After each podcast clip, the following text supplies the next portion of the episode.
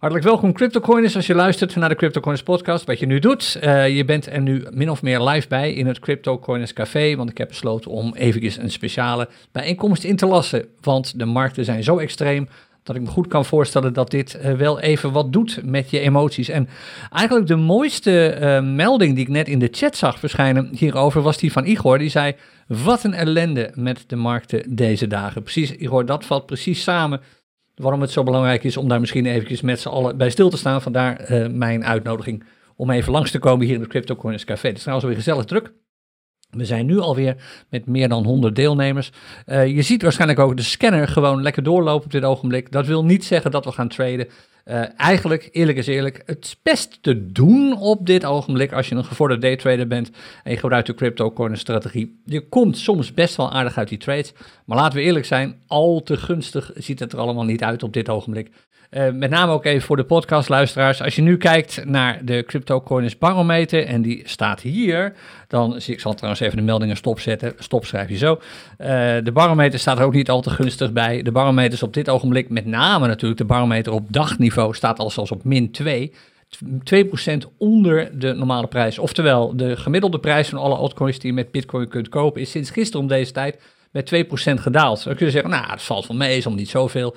Je zult zo meteen zien hoe dramatisch het echt is. Ook de verandering sinds de afgelopen vier uur is toevallig ook net meer dan 2%. En ook het afgelopen uur is eigenlijk alles wat je met Bitcoin koopt alleen maar goedkoper geworden. Nou, dan kun je natuurlijk zeggen, oké, hoe zit het dan met de barometer voor markten waarbij je met de dollar koopt? Bijvoorbeeld met de Tether, de USDT. Uh, spoiler alert, veel beroerder nog. Oftewel, als je op dit moment aan het traden bent met de dollar of de BUSD of de USDT als basismunt, dan gaat het niet beter. Sterker nog, het gaat eigenlijk alleen maar slechter. Uh, zeker als je een beginnend trader bent, dit zijn gewoon de dagen waarop je, omdat de markten zo ontzettend extreem bent, beter gewoon niet, ja, naar mijn mening, beter er eigenlijk niet eens aan kunt beginnen. En ik kan me voorstellen, je hebt die drang misschien in je van ik moet traden vandaag, ik moet mijn doelen halen, ik moet mijn procenten halen. Soms wil je dat gewoon liever niet. En we zitten echt, en vandaar ook deze bijeenkomst in het Crypto Café, we zitten echt in extreme markten op dit ogenblik. Dus vandaag, ik weet niet precies hoe lang we bezig zijn, ik denk een uurtje of zo.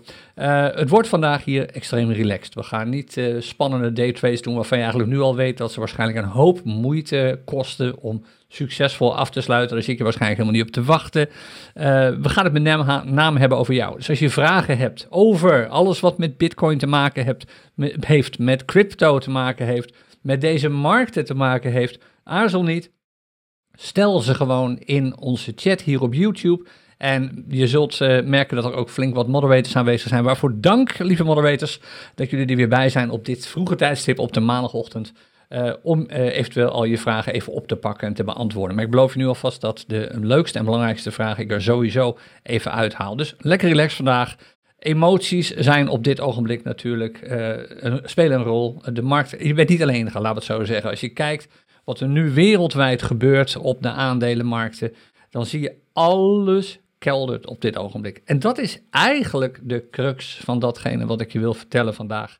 Ik kan me voorstellen, net zoals Igor net al schreef in de chat, dat je langzaam maar zeker, misschien wel snel maar zeker, moedeloos begint te worden. Begint te denken van ja, waarom ben ik hier ooit ingestapt? Ik sta volledig onder water, wordt dit nog wat? Op dit ogenblik is het dramatisch op zo'n beetje alle markten. Zelfs de prijs van goud bijvoorbeeld daalt. Met goud is niks aan de hand. Er is niet opeens een hele hoop goud ontdekt of iets dergelijks. Niets aan de hand met goud. En toch keldert zelfs de goudprijs op dit ogenblik. Het enige wat een beetje positief zou kunnen gaan vandaag zijn de rente of de dividenden, de winsten eigenlijk die je zou kunnen halen op staatsleningen, op obligaties. Geen wonder, want geld wordt duurder. En dat betekent dat er ook meer rente kan worden betaald op obligaties. En dat betekent dat dat op dit ogenblik voor een aantal beleggers misschien iets is waar ze naar kijken. Maar laten we eerlijk zijn, voor de rest is het gewoon een drama. De enige manier, naar mijn mening, om hier ongeschonden uit te komen, is niet jezelf te laten afleiden door al het enorme sensatienieuws. Ik weet niet of je wel eens kijkt naar uh, websites als Crypto Panic of apps zoals Crypto Panics. De naam op dit moment heel goed gekozen. Uh, dekt niet helemaal de lading normaal gesproken, want Crypto Panic is een site waarop je uh, nieuws leest. Uh, nieuws, eigenlijk geaggregeerd nieuws. Het, is, het zijn allemaal RSS-feeds, zoals het heet, bij elkaar gegooid van een aantal nieuwsproviders. Een aantal serieuze bronnen, ook een aantal YouTubers die vaak heel hard schreeuwen om maar die views te krijgen. En dan lees je echt de meest dramatische verhalen. Dan lees je sensatienieuws zoals: gaat Bitcoin nu echt naar nul? Is het einde nu bereikt? Het zijn alleen maar uh, vragen, het zijn alleen maar koppen die zijn bedoeld om jou te laten klikken, zodat ze weer een page view hebben, zodat ze weer een video view hebben, zodat ze weer advertenties hebben verkocht of sponsors kunnen krijgen. Het is niet bedoeld, dat soort berichten zijn niet bedoeld om jou te helpen. Ze zijn alleen maar bedoeld om, bedoeld om kliks te genereren. En dat is iets waar je natuurlijk met name nu in deze markten, zeker als je onder water staat, extreem gevoelig voor bent. Nieuws, informatie, wat is aan de hand, wat gebeurt er, wat moet ik doen? En het nieuws dat je krijgt van uh, influencers, het geldt eigenlijk ook voor het nieuws dat je hier krijgt, of de meningen die je hier krijgt op CryptoCoins, zelfs hier in het CryptoCoins Café, zijn niets anders dan meningen. Het is, het, het is zo belangrijk dat je dit altijd in je achterhoofd houdt. Lees ik nu iets dat daadwerkelijk een feit is, of lees ik nu iets dat gewoon de mening is van degene die het opschrijft of die het vertelt, bijvoorbeeld hier in het CryptoCoins Café. Dus meteen een enorme disclaimer. Alles wat je vandaag hoort van mij is ook alleen maar mijn mening. Het is mijn opvatting en het is aan jou om daar conclusies uit te trekken en te beslissen om wel wat te doen. Dus ik ga alles wat ik nu antwoord, uh, kun je eigenlijk één stukje voorzetten, namelijk mijn mening is dat. De eerste is, moet je hierdoor uh, in paniek raken? Een van de meest gestelde vragen. Ik ga zo nog even naar de chat waar flink wordt losgepost. Um, moet je hierover in paniek raken? Het antwoord is nee. Uh, ben ik in paniek? Nee, absoluut niet. Zie ik dat mijn uh, saldo, uitgedrukt in euro's of dollars, daalt? Natuurlijk. Want zoals je misschien weet, als je cryptocoins al wat langer volgt, ik heb verreweg het merendeel van mijn portfolio gewoon in crypto zitten. Maak ik me zorgen hierover? Nee, want ik weet hoe dit komt. En als je al wat langer bij onze community bent, dan weet je het eigenlijk ook. Want we hebben het hier al zo vaak over gehad. We begonnen hier vorig jaar volgens mij in september over. Van pas op mensen, er komt een inflatie aan. En die inflatie wordt heftig. En dat was voordat we eigenlijk wisten dat uh, Oekraïne een rol van wereldformaat zou gaan spelen. Want anders was eerlijk gezegd die inflatie ook wel gekomen. Hij was misschien nu nog niet zo heftig geweest als hij nu is. Maar vergeet niet, dat geld was al gedrukt. Dat geld was al gedrukt door, door de Amerikaanse Fed, centrale bank, door de Europese centrale bank. Het geld was al ongelooflijk breed verspreid. Er was zo ontzettend veel geld dat de waarde ervan alleen maar aan het dalen was. Dus de centrale banken hadden moeten ingrijpen. En ze hadden dan ook gemerkt dat het eigenlijk niks had opgelost. Nu ligt het probleem nog wat groter, want niet alleen is er nu een productietekort aan dingen die je zelf als land kunt produceren, doordat er gewoon veel minder mensen aan het werk willen of zijn. Er is ook een, product, een tekort aan dingen die bijvoorbeeld uit Oekraïne of nagelegen landen komen, omdat die niet meer kunnen worden geleverd, om welke reden dan ook. En dat, dat jaagt die inflatie nog een keer extra op. Inflatie betekent dus dat geld, dat eigenlijk, eh, omdat geld minder waard is geworden, alles duurder wordt. Je hebt er meer van nodig, meer van het geld om wat te kunnen kopen. Dus wat doen dan centrale banken? Die grijpen terug naar het handboek, eh, inflatiebestrijding voor dummies, pagina 40. En er staat, oh, als, de, als uh, de inflatie stijgt, dan moeten we geld duurder maken. Nou, er zijn een paar manieren om dat te doen, eigenlijk maar twee. De eerste is, zorg dat er minder geld is. Dat is letterlijk, kun je gewoon geld schaars maken, want het is al lang niet meer zo dat er voor elk dollarbiljet of elk eurobiljet ergens een goudklompje ligt. Dat model is losgelaten. Dat betekent dat geld gewoon niks anders is dan iets dat op een, ja, zeg maar in een spreadsheet wordt bijgeboekt. Een beetje simpel gezegd, maar dat is wel wat op neerkomt. En als je dat er dus weer afboekt, dan is het er opeens niet meer. Daarmee maak je geld schaarser. Daardoor is er minder van. Daardoor uh, hebben alleen mensen uh, geld die het kunnen betalen, om het maar zo te zeggen. En dat betekent automatisch dat vraag gaat afnemen, normaal gesproken. Terwijl het aanbod gelijk blijft en alles dus weer wat goedkoper wordt. Maar dat is één van de dingen die ze kunnen doen. Het tweede wat ze kunnen doen is de rente op geld verhogen. En dat zie je nu ook fanatiek gebeuren. Ook deze week weer. Daar komt met name de angst van dit weekend vandaan. De verwachting is dat uh, de Amerikaanse centrale bank weer de rente gaat verhogen. Waarschijnlijk weer met een half procentpunt. Dus er komt gewoon 0,5% bij. Niet procent van, maar gewoon wordt er gewoon, wordt er gewoon bijgeboekt. En dat betekent dat we straks opnieuw meer rente moeten gaan betalen als we geld gaan lenen. Of, en dat is het enige goede nieuws, als je geld spaart, als je het op de bank hebt staan, kan het heel goed zijn dat, dat ga je zelfs in Europa merken, dat een negatieve rente omkeert in weer een positieve rente. Dat je straks misschien wel een sensationele rente krijgt op je uh, spaarsaldo van misschien wel 1% of een half procent of zo, misschien 0,25% in de plus. Kortom, je zou zeggen fantastisch nieuws. Nou ja, het is maar net hoe je het ziet, want het geld wordt toch nog steeds per jaar een stuk minder waard dan de rente die je ervoor krijgt. Dus dat zijn eigenlijk de enige twee middelen die centrale banken hebben. Ze kunnen het geld wegnemen uit de markt of ze kunnen de rente ervan verhogen, of allebei. En dat gebeurt op dit ogenblik, met name in Amerika, wordt dat heel duidelijk gecommuniceerd. Niet alleen wordt er geld uit de markt getrokken, er wordt ook daadwerkelijk een renteverhoging doorgevoerd, keer op keer op keer. En Europa komt daar ook nog achteraan. Wacht maar af, dat gaat nog gebeuren. Sterker nog, deze week al. En je ziet ook dat de markten daarop reageren. De aandelenmarkten zijn vandaag eigenlijk allemaal in de min geopend. Geen idee waar het vandaag naartoe gaat, maar heel positief zal het allemaal niet worden. En waarom? Aandeelhouders en beleggers zijn gewoon bang op dit ogenblik. Ze zijn, misschien herken je dit een beetje, daar wordt dan vaak gezegd, ze zijn in paniek. Nou, het is niet zo dat ze allemaal eh, doldwazen rondrennen op beursplein 5 of zo, maar ze zijn wel erg onrustig, want eigenlijk, wat wil je doen op dit ogenblik? Je kunt niet gewoon je geld op een spaarrekening zetten, dan wordt het steeds minder waard. Als je geld nu in aandelen stopt, ja, je ziet die aandelen kelderen, wordt steeds minder waard. Als je je geld in goud stopt, je ziet in feite dat je geld steeds minder waard wordt. Obligaties misschien, maar ja, je weet niet hoe lang dat werkt. En je weet bovendien niet, of je ziet bovendien dat de rente die je daarop krijgt lager is dan de inflatie op dit ogenblik. Heeft dus ook geen zin. Kortom, beleggers hebben geen idee wat ze moeten doen. En dat zou heel goed ook kunnen gelden voor jou. Wat moet je nu op dit ogenblik doen? Je wordt geconfronteerd met situaties dat alles duurder wordt, dat je koopt, bijna alles. En je ziet ook dat de crypto die je hebt, die je misschien hebt verzameld door elke week te kopen, of elke maand te kopen, of door te handelen, wat ik hoop, of door een combinatie daarvan, of door te dollar cost average, te balanceren, zoals wij dat noemen bij cryptocurrencies, dat die in euro's en dollars uitgedrukt steeds minder waard wordt. Maar als je nu een bepaalde hoeveelheid bitcoin hebt, die bepaalde hoeveelheid bitcoin is nog steeds hetzelfde als dat die was. Daar is verder helemaal niks aan veranderd. Het enige wat veranderd is, is de hoeveelheid dollars en euro's die je ervoor terugkrijgt. En heel duidelijk, dit is de disclaimer, dit is mijn mening, dit is geen garantie. Die kan, ik, die kan niemand je op dit ogenblik geven. Het enige wat ik kan zeggen is het volgende.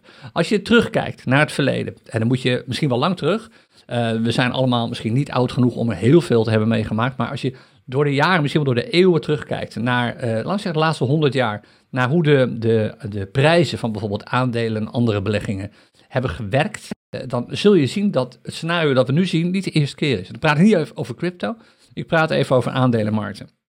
De laatste keer kunnen waarschijnlijk de meeste van jullie zich nog wel herinneren. Dat was in 2008, toen de het gebeurde al iets eerder, maar in 2008 werd het heel zichtbaar. Uh, toen de prijzen van huizen zwaar onder druk kwamen te staan vanwege alle slechte leningen die zijn uh, verstrekt. En als gevolg daarvan de markten instorten. Nou, ik heb slecht nieuws, ik heb een slechte mening wat dat betreft, want ik ben bang dat dat nog een keer gaat gebeuren. Want je zou zeggen, daar hebben banken van geleerd. Banken gaan niet langer meer uh, leningen verkopen in pakketten aan andere banken waar een hoop slechte leningen in zitten, want dat mogen ze niet meer. Nee, ze mogen het officieel niet meer, maar ze mogen het nog wel doen voor bedrijfsleningen. Dus hetzelfde wat toen is gebeurd met leningen op uh, huizen, hypotheken eigenlijk, die gewoon werden gebundeld in pakketten, goede leningen, minder goede leningen, hele slechte leningen, oftewel leningen die gegarandeerd worden terugbetaald, leningen die waarschijnlijk wel kunnen worden terugbetaald en hypotheken die nooit meer kunnen worden terugbetaald. Die werden gebundeld in pakketten, die werden verkocht aan een andere bank, die schreef dat op de balans bij. Kijk, we hebben nu vermogen. Dat ging natuurlijk helemaal naar het zuiden, dat liep helemaal mis toen de huizenmarkt instortte en bank, banken vielen om, we hebben dat gezien. Nou, Nogmaals, je zou zeggen, banken hebben ervan geleerd, die mogen dat immers niet meer. Er zijn miljarden boetes uitgedeeld. Er is niemand voor in de gevangenis gekomen. Jamie Dimon, als je meeluistert, uh, niemand voor in de gevangenis gekomen. Sterker nog, die mensen zitten nog steeds op dezelfde plek. Uh, met name de grote bankdirecteuren roepen nog steeds dezelfde, soms schandalige dingen. Maar hoe dan ook, je zou zeggen, dat gebeurt nu niet meer. Het probleem is dat het weer gebeurt, want banken doen nu exact hetzelfde met bedrijfsleningen. Leningen die zijn verstrekt aan bedrijven worden ook weer verkocht in de vorm van pakketten. Je hebt hele goede leningen die gegarandeerd tussen aanhalingstekens zullen worden terugbetaald. Minder goede leningen waarvan het niet zeker is of bedrijven ze kunnen terugbetalen. En ook hier heb je weer de rotte appels, waarvan nu al bekend is, de bedrijven die hebben geleend vallen waarschijnlijk om en kunnen dat niet meer terugbetalen. Ook die worden weer op de balans gezet, die worden weer verkocht. Kortom, hetzelfde spelletje wordt weer gespeeld. Dat komt helaas ook nog. Dus dit is helaas niet het einde, naar mijn mening, van wat we nu zien. Ik weet niet wanneer dit gebeurt, niemand weet dit. Maar dit is net als de, de hypotheken die werden verpakt, is dit ook natuurlijk iets dat gewoon staat te gebeuren. We weten niet wanneer.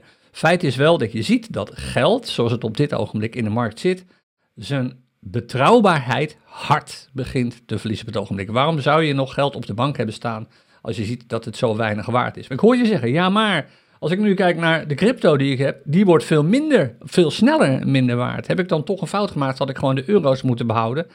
Naar mijn mening, of laat ik zo zeggen, mijn visie hierop is nee, dit wil je gewoon vasthouden. Hier gaan diamond hands een rol spelen. Diamant handen, wordt er ook wel gezegd. Sterke handen is eigenlijk de uitdrukking. Strong hands. In het verleden, en we zijn nu terug waar ik net was, hebben we dit soort dingen vaker gezien. We hebben gezien, als je terug naar de laatste 100 jaar, dat je steeds meemaakt dat opeens er enorme crashes komen, zoals de 2008 crash. Maar ook daarvoor hebben we al eentje gehad in, eh, wat was het, begin jaren 90 en daarvoor ook alleen in de jaren 80. Waarbij aandelenmarkten, crypto was het toen nog niet, kelderden. En iedereen zei van, oh, nu is het voorbij, nu wordt het nooit meer wat. En vervolgens, iedereen verkoopt zijn aandelen met een hoop verlies en andere beleggingen met een hoop verlies. Om vervolgens aan de zijlijn te staan als na een bepaalde tijd de zaak weer omkeert. En dat geldt ook voor crypto. In 2017 schoot Bitcoin naar een absoluut hoogtepunt. 20.000 dollar. Toen zei iedereen in de zomer van 2017, om je een voorbeeld te geven, stond een bitcoin, ik denk op 1500 dollar of zo misschien. Misschien tussen de 1000 en 2500 dollar. Het wisselde een beetje. Toen kwam er een hoop ellende. Er is meneer Diamond weer, Jamie Dimon van een van de grootste frauderende banken in Amerika. Die zei bitcoin is helemaal niks, het is bedrog. De Chinezen kwamen langs, die gooiden bitcoin in de ban. FUT, zoals het heet, angst, onzekerheid en twijfel. En hop, daar ging die prijs van bitcoin. En iedereen stapte natuurlijk uit met verlies. Iedereen had bitcoin gekocht toen het snel begon te stijgen in prijs in de zomer. En opeens daalde de prijs van Bitcoin weer door die uitladingen van Jamie Dimon, door de Chinezen. En iedereen verkocht. Veel mensen hadden zwakke handen, zoals het heet. Snel eruit stappen voordat het te laat is. En wat gebeurde er daarna? We hebben het allemaal meegemaakt. In 2017, in december, november 2017 begon de prijs te stijgen en te stijgen en te stijgen. En vervolgens stond de prijs opeens op 20.000 dollar. En al die mensen die hadden verkocht toen uh, de prijs begon te zakken, stonden aan de zijlijn. En die paar mensen, want er waren er maar een paar, het zijn altijd maar een paar, met sterke handen, die genoten natuurlijk. Nou, jij kunt eigenlijk nu zelf kiezen. Als het goed is, heb jij Bitcoin en crypto gekocht met geld dat je kon missen. En ben je niet meegegaan in de hype van bijvoorbeeld uh, oktober, november vorig zomer, herfst vorig jaar, toen de bitcoinprijs opeens steeg naar bijna 70.000 dollar. Want ik moet nu kopen, want ik krijg nu een tip, want het wordt nog veel duurder en de bitcoin wordt nooit meer goedkoper. Als het goed is ben je daar niet in meegegaan. En is er dus eigenlijk, hoe gek het ook klinkt, niet zo heel veel aan de hand. Het, je staat wel onder water waarschijnlijk met je portfolio. Maar laten we eerlijk zeggen, je hebt dat gedaan met geld dat je kon missen. Waardoor je leven niet zou veranderen als het geld opeens weg zou zijn. Als dat wel zo is, dan is dit natuurlijk leergeld. Het is duur leergeld. Er zijn wel een paar strategieën om dit enigszins te managen. Maar niemand kan opeens, oké, behalve de centrale banken, kan opeens geld toveren. Niemand kan opeens de prijs van bitcoin uh, omhoog laten schieten. Ja, oké, een paar walvissen kunnen dat doen. Feit is dat jij nu onder water staat met geld dat je dan niet kon missen. Dan heb je natuurlijk een serieus probleem. Dat vraagt niet in paniek. Het vraagt om management. Je moet dat geld dan op een effectieve manier zien te managen. Daar komen we zo meteen al even op terug. Als daar vragen over zijn, die kun je nu, en ik raad je echt aan om dat te doen hier in het café, even stellen in de chat. Ik ga eerst even een slokje water nemen, want ik heb me nog lang niet uitgepraat.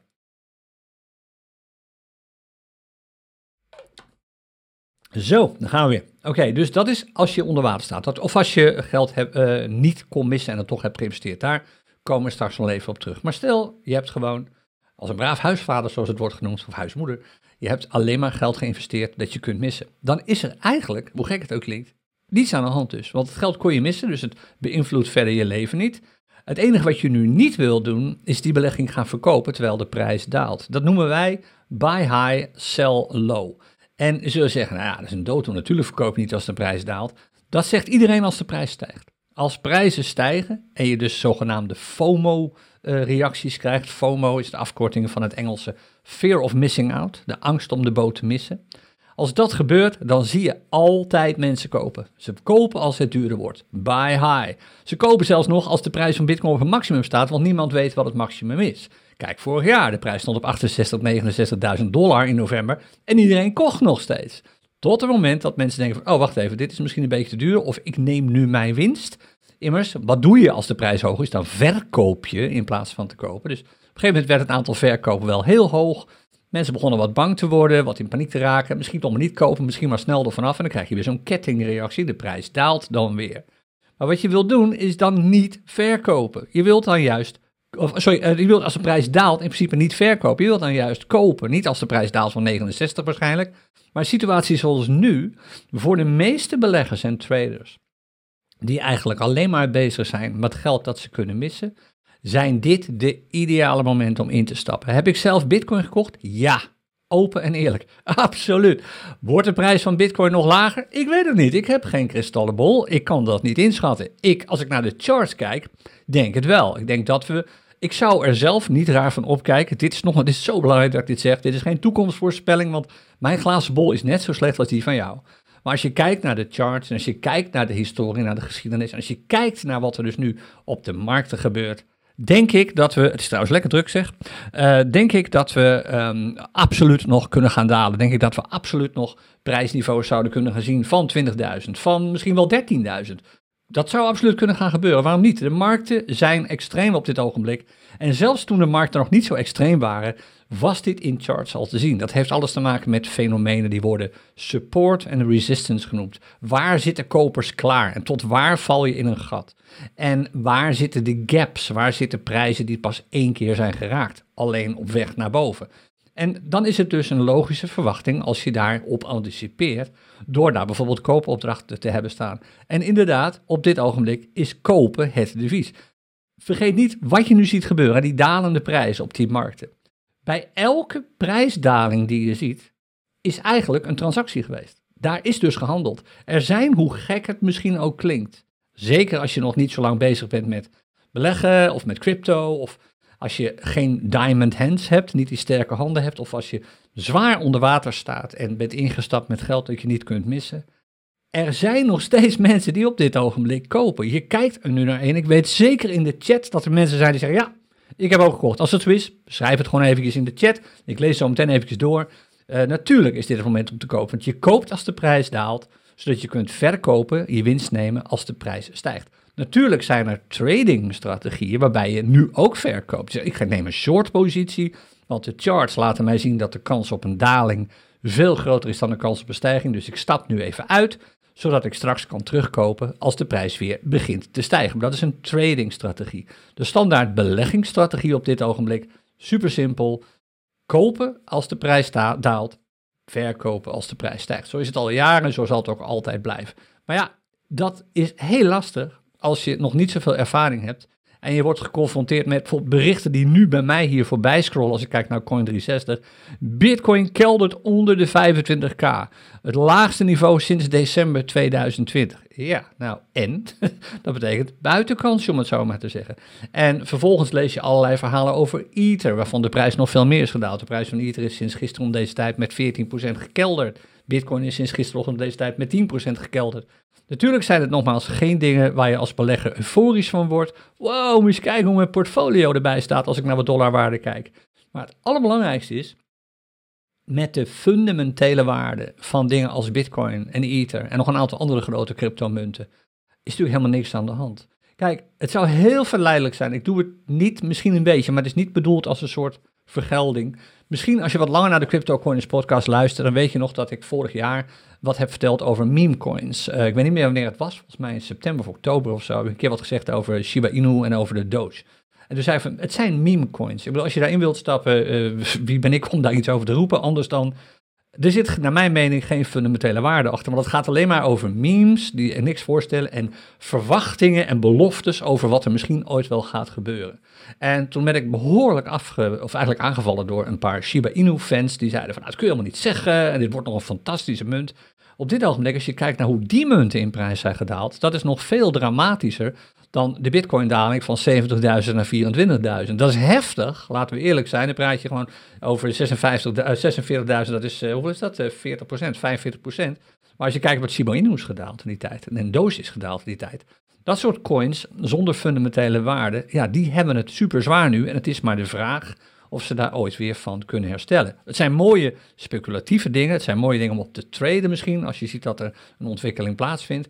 Maar naar mijn mening, mijn mening, zijn het geen fundamentele beleggingen, want er zit verder nog niks achter. En pas op het moment dat er iets achter zou komen te zitten, een duidelijke missie, een duidelijke bedrijfsstrategie, duidelijke winstprognoses of zelfs winstcijfers, dan zou je altijd nog kunnen overwegen om in te stappen. Nog even terug naar wat ik net zei over dat instappen betreft. Wat het instappen betreft. Vergeet niet, voor iedere trade, voor iedere prijsdaling of prijsstijging die je nu ziet, daar zit een trade achter. En wie, trade er, wie kopen er op dit ogenblik? Nou, dat zijn met name de grote jongens en meisjes, de grote institutionele beleggers. Die hebben een heldere strategie. Die laten zich, hoe gek het ook klinkt, ook al zien zij hun crypto gedeelte in hun portfolio natuurlijk in dollars of in euro's uitgedrukt lager worden, die laten zich niet afleiden door dit soort dingen. Die weten, dit hebben we al een paar keer eerder meegemaakt. Kijk naar de geschiedenisboekjes. En geschiedenis, hoe saai het misschien ook is op school, als je nog jong bent, hoe saai het misschien ook was op school, als je wat ouder bent, het laat toch wel heel vaak zien wat je eruit kunt leren, namelijk het herhaalt zich altijd. De aandelenmarkten crashten in 2008, de aandelenmarkten crashten in 1990, de aandelenmarkten crashten in 1980. En ze zijn altijd weer hersteld. Crypto, terug naar 2017, crashte in 2018, ging opeens hard naar beneden. Is daarna hersteld? Veel doemzeggers zeiden nee, crypto wordt nooit weer wat, bitcoin is ouderwets, stop daar toch mee, het is gebakken lucht, het stelt allemaal helemaal niks voor. Dat werd ook geroepen door opiniemakers. Wat is er gebeurd met de prijs van bitcoin sinds december 2017?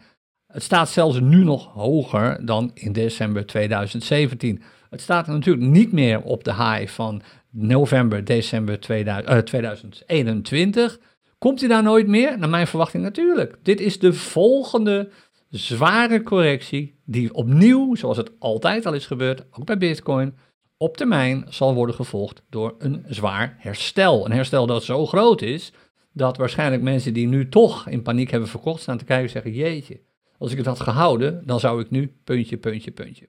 Dus ik wil absoluut niet klein praten wat er nu op dit ogenblik aan de hand is. Het is extreem. Het is niet voor niks dat we hier nu zijn met meer dan 300 mensen op maandagochtend. Dat laat zien hoe belangrijk dit onderwerp blijkbaar is. En ik heb nog geen chatbericht, behalve dat van Igor, bekeken. Het laat zien hoeveel mensen hier op dit ogenblik mee bezig zijn. Wat ik je vandaag wil laten zien is dat de markten laten zien, de historie laat zien eigenlijk, dat markten zich altijd weer herstellen. Dat kan duren, maar het gebeurt altijd weer. We zitten in een extreme situatie, maar dat hebben we al eerder gezeten. Zoiets extreems zoals nu hebben we in de cryptomarkt nog niet eerder meegemaakt. Maar naar mijn mening doet crypto op dit ogenblik niets anders dan traditionele markten volgen. Er is geen enkele markt op dit ogenblik, behalve die obligatiemarkt misschien een beetje, die in de plus staat. En er is helemaal al geen markt te vinden die zwaar in de plus staat. Integendeel, daarvoor moeten er eerst nogal wat dingen worden opgelost in de wereld. Oké, even tot zover. Samenvattend dus. Als je op dit ogenblik je afvraagt, moet je gaan verkopen? Dan zou naar mijn mening die vraag alleen maar door jezelf kunnen worden beantwoord. En je wilt dan eigenlijk maar kijken naar twee dingen. Heb ik gekocht met geld dat ik kon missen of niet? Als het antwoord is nee, ik, heb verantwoord, ik ben verantwoord ingestapt, ik heb steeds een klein beetje genomen en ik ben steeds ingestapt, dan is het antwoord natuurlijk, ja, ik zou het dan waarschijnlijk niet doen, want ik kan het geld sowieso missen. Nu verkopen betekent gewoon dat ik zwaar met verlies verkoop. Buy high, sell low, dat wil je eigenlijk nooit doen. Rustig afwachten. Misschien tussentijds wat dingen doen, daar kom ik zo meteen nog wel even op terug. Zoals misschien dollar cost averaging of misschien trading. Op momenten dat de markten er goed voor zijn. Maar voor de rest gewoon stilzitten en wachten totdat je geschoren bent. Als je bent ingestapt met geld dat je eigenlijk niet kon missen, dan wil je nu eigenlijk ook niet verkopen, hoe gek het ook klinkt. Wat doe je dat wel? Je krijgt er maar een fractie voor terug waarschijnlijk, dan waarvoor je bent ingestapt. Dan zou je altijd nog kunnen zeggen, ja, maar ik heb een gedeelte van die liquiditeit nodig, van dat geld nodig. Verkoop dan een beetje en houd de rest. En zorg dat je wacht totdat ook weer, dat dat ook weer in waarde begint te stijgen. Kijk, eerlijk is eerlijk, veel beroerder dan dit zou het waarschijnlijk voor jou niet kunnen worden. En je hebt een categorische fout gemaakt. Het is een wijze les. Vanaf dan raad ik je aan, geef al wat andere mensen die overwegen om geld te lenen, om in te stappen en dergelijke. Geef ze al wat advies, doe het niet, want het lijkt allemaal alleen maar naar de maan te gaan. In de praktijk gebeurt dat niet, het gaat altijd een keer naar het zuiden, je koopt altijd te duur. En onthoud alsjeblieft dit volgende, dit is zo belangrijk. De markten, of het nu cryptomarkten zijn, of het zijn uh, traditionele markten waar je je tomaten gaat kopen, of het zijn de aandelenmarkten. Markten zijn erop ingericht om het geld van heel veel mensen sorry, tik tegen mijn microfoon. Markten zijn erop ingericht om het geld van heel veel mensen te laten vloeien in de zakken van maar een paar mensen. Dus op dit ogenblik, als jij nu jouw bitcoin of je andere cryptomunten, waar je een grondige analyse op hebt gedaan voordat je ze ging kopen, als je ze nu met zwaar verlies gaat verkopen, dan weet je wie dat oppikt. Dat zijn de mensen die diezelfde fundamentele analyse hebben gedaan, maar die wel de sterke handen hebben, die gewoon zeggen, ik wacht het wel af, ook al daalt de prijs nog verder, ik stap nu in en ik neem mijn winst pas als de prijs begint te stijgen. Ik weet hoe lastig dit klinkt, maar dat is eigenlijk de enige juiste en heldere strategie. Ik kijk even naar de chat. Uh, mijn beeld hapert, wordt gezegd. Uh, sorry Marlies, ik lees het pas nu. In de chat lees ik dat iedereen hier last van heeft. Wellicht niks aan te doen, maar dan ben je op de hoogte. Het spijt me, mijn beeld hapert. Dat kan wat met de internetverbinding te maken hebben. Ik zie dat ik maar uh, 30 fps haal, soms wat minder. Sorry daarvoor. Ik vond het toch belangrijk genoeg, ook al hapert het beeld, om hier vandaag even met jullie te zijn. En ik ben blijkbaar, heb ik geen verkeerd moment gekozen, want er zijn ruim 300 mensen nu aanwezig hier in de chat. En ik beloof je, ik maak even, ik heb, er loopt sowieso een video-opname mee van dit Crypto Coins Café. En uh, ik beloof je dat ik de opname daarvan straks wel eventjes uh, ook op dit kanaal zet. Dat even wat mijn verhaal nu betreft. Um, Even denken. Oh ja, één ding. Uh, ik, we kregen een vraag uh, van iemand uit het CryptoCoiners team. En die zei, uh, Rolf, zou eens willen vragen als er weer eens een keer een CryptoCoiners café wordt georganiseerd. dit heeft niets te maken met Bitcoin of crypto. nee, heeft gewoon echt niks mee te maken. Maar het is iets waar binnen het CryptoCoiners team nu naar wordt gekeken. Ik zou je willen vragen, of ze zouden je willen vragen om eens even te vragen... nog een keer. Ze zouden jullie willen vragen, wie van jullie, let op, voordat je antwoord geeft, wacht even. Want begin je antwoord in hoofdletters met het woord Discord. En als je niet weet wat het is, dan negeer je het antwoord. En alleen als je ja kunt zeggen op deze vraag, reageer dan. Als je er niks van weet, laat het dan gewoon lopen. Dat houdt de chat een beetje schoon. De vraag die wordt gesteld is volgende. Wie van jullie zit in een community op Discord? En wat zijn je ervaringen? Dus als je in een community zit op Discord, je hoeft niet te zeggen welke community het is, maar vertel eens even wat je daarvan vindt ten opzichte van bijvoorbeeld uh, Telegram of bijvoorbeeld Facebook, als iemand voor je dat nog kent. Of andere communities zoals forums en zo. Dus als jij in een Discord community zit, maakt niet uit welke, je hoeft de naam niet te noemen, aarzel dan niet en antwoord even, begin met het woordje Discord in hoofdletters en stel eens even waarom je, wat je daarvan vindt. Vind je het een prettig platform, dat Discord? Vind je het niet zo prettig? Wat zijn de voordelen, wat zijn de nadelen enzovoort. Dan kan ik dat allemaal doorspelen. Dan ze leest trouwens mee aan het uh, CryptoCoins team en dan kunnen ze daar misschien wat mee. Wat ik nu ga doen is even terugscrollen in de chat en het is nu uh, kwart voor elf hier. Uh, flink veel uh, meldingen al. Even kijken wat er hier staat. Goedemorgen iedereen. Uh, Tim Kevan, dag Kevan. Kevan heeft volgens mij vorige week weer terugkomstsessies gedaan. Oh, oh, over Kevan gesproken. Niet Kevan bracht me op het idee. Afgelopen vrijdag, bijna vergeten. Afgelopen vrijdag hadden we natuurlijk onze CryptoCoins zomeractie. Een groot succes, als ik de reacties mag geloven van iedereen die tijdens de zomeractie zich heeft ingeschreven voor 1, 2, 3, 4, 5, op soms zelfs in één keer 6 clinics. Nou, dan weet je, je hebt flink wat te doen de komende maanden. We gaan een, uh, in uh, juni al, vanaf aanstaande zaterdag gaan we los. Tot en met de eerste zaterdag in augustus gaan we op heel veel zaterdagen clinics geven. Uh, als je je hebt kunnen inschrijven met een hoge korting, gefeliciteerd. Leuk om jou te zien, want Kevan en ik geven die clinics. Kevan zit nu ook in de chat. Um, en uh, ik wil alvast stellen, zaterdag begint de eerste, zaterdag 18 juni. Die mag ik zelf geven. Uh, die heet Starten met Traden. Het gaat wel verder dan, het is wel een clinic voor beginnende traders, zeg ik erbij. Maar we gaan kijken natuurlijk naar wat zijn de beste manieren om te gaan daytraden en te gaan swingtraden met de crypto-coins strategie. En je krijgt daar wat dingen te zien die je misschien nog niet kent als je uh, er toch weer bij bent terwijl je de clinic al een keer eerder hebt gevolgd. Maar in feite wil ik je gewoon laten zien dat het spelletje dat wordt gespeeld best wel meevalt. Dus als je hebt ingeschreven voor die clinic, starten met traden, hartelijk welkom. Als je dat nog niet hebt gedaan, er zijn nog plekken.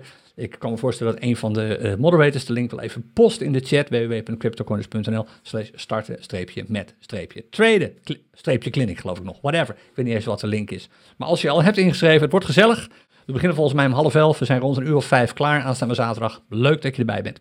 Dan even gauw die chat door. Dag Frank, goedemorgen. Heidi, Sebastian, goedemorgen. Cliff, Ferry, Giel, Murning, Katrina, hoi, bekend mijn naam. Dag Jan, goedemorgen. Gaat lekker met de bitcoin? Ja, het gaat eigenlijk... Kijk Jan, je zou het ook kunnen zien. Zo, de reden dat ik Jan even met name noem is, Jan is een ex-collega van mij.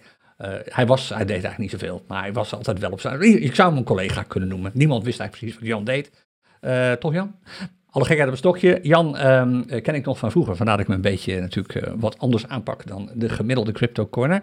Het gaat lekker met de bitcoin, Jan. Ja, het geeft ons dus de mogelijkheid om hier vandaag weer bij elkaar te zijn. En ondanks het feit dat de bitcoin nu meer dan 11% lager staat dan gisteren om deze tijd in dollars uitgedrukt, er toch serieus over te kunnen praten en te kunnen kijken naar, oké, de prijs van bitcoin daalt enorm. Wat voor een kansen biedt dit en wat voor een gevaren biedt dit? Nou, de kansen lijken me duidelijk. Dat geldt natuurlijk ook voor Ether. Is er structureel iets aan de hand met Ether op het ogenblik? Nee. Is er iets structureel aan de hand met Bitcoin op het ogenblik? Nee. Dat zijn de belangrijkste dingen. BNB op het ogenblik? Ja, er is een onderzoek aan de gang. Nou, laten we zo zeggen, daar wordt over gesproken. De SEC, uh, eh, de, de Amerikaanse financiële waakhond, maar de Amerikaanse AFM, uh, gaat er, heeft aangekondigd dat er een onderzoek wordt ingesteld naar de Binance blockchain, naar de munt die erbij hoort, de BNB-token en naar de whitepaper van Binance. Is dat iets waar je zorgen over zou moeten maken als Binance BNB bezitten? Naar mijn mening niet. Dit is ook weer zo'n gevalletje van we gooien eens een proefballonnetje op, we kondigen wat aan, kijken wat er gebeurt. Um, overigens, uh, er zijn geen kaarten meer beschikbaar. Maar als je er eentje hebt aanstaande zondag, dan zien we elkaar zondag in België misschien bij de Binance Super, Meet, Super Meeting, heet het ding geloof ik. Uh, een paar mensen van het CryptoCoiners team uh, zijn daar in ieder geval ook. Ik ben er zelf ook bij, een gedeelte van de dag. En als je daar bent en je bent lid van CryptoCoiners, ja, anders hoor je dit waarschijnlijk niet. En je, hebt al, je kunt geen kaarten meer krijgen, want het is helemaal vol. Maar als je kaarten hebt en je loopt daar rond, kijk eventjes, zoek ons even op. We hebben witte shirts aan met daar het CryptoCoiners logo op. Het zou leuk zijn als je even hallo kwam zeggen. Dat aanstaande zondag in uh, Brussel is dat volgens mij in België. Oké, nogmaals, geen kaarten meer. Ik weet het, Binance. Ik heb beloofd, ik maak geen reclame, want het zit al vol. Maar als je toch al kaarten hebt, zou leuk zijn als je even hallo kwam zeggen.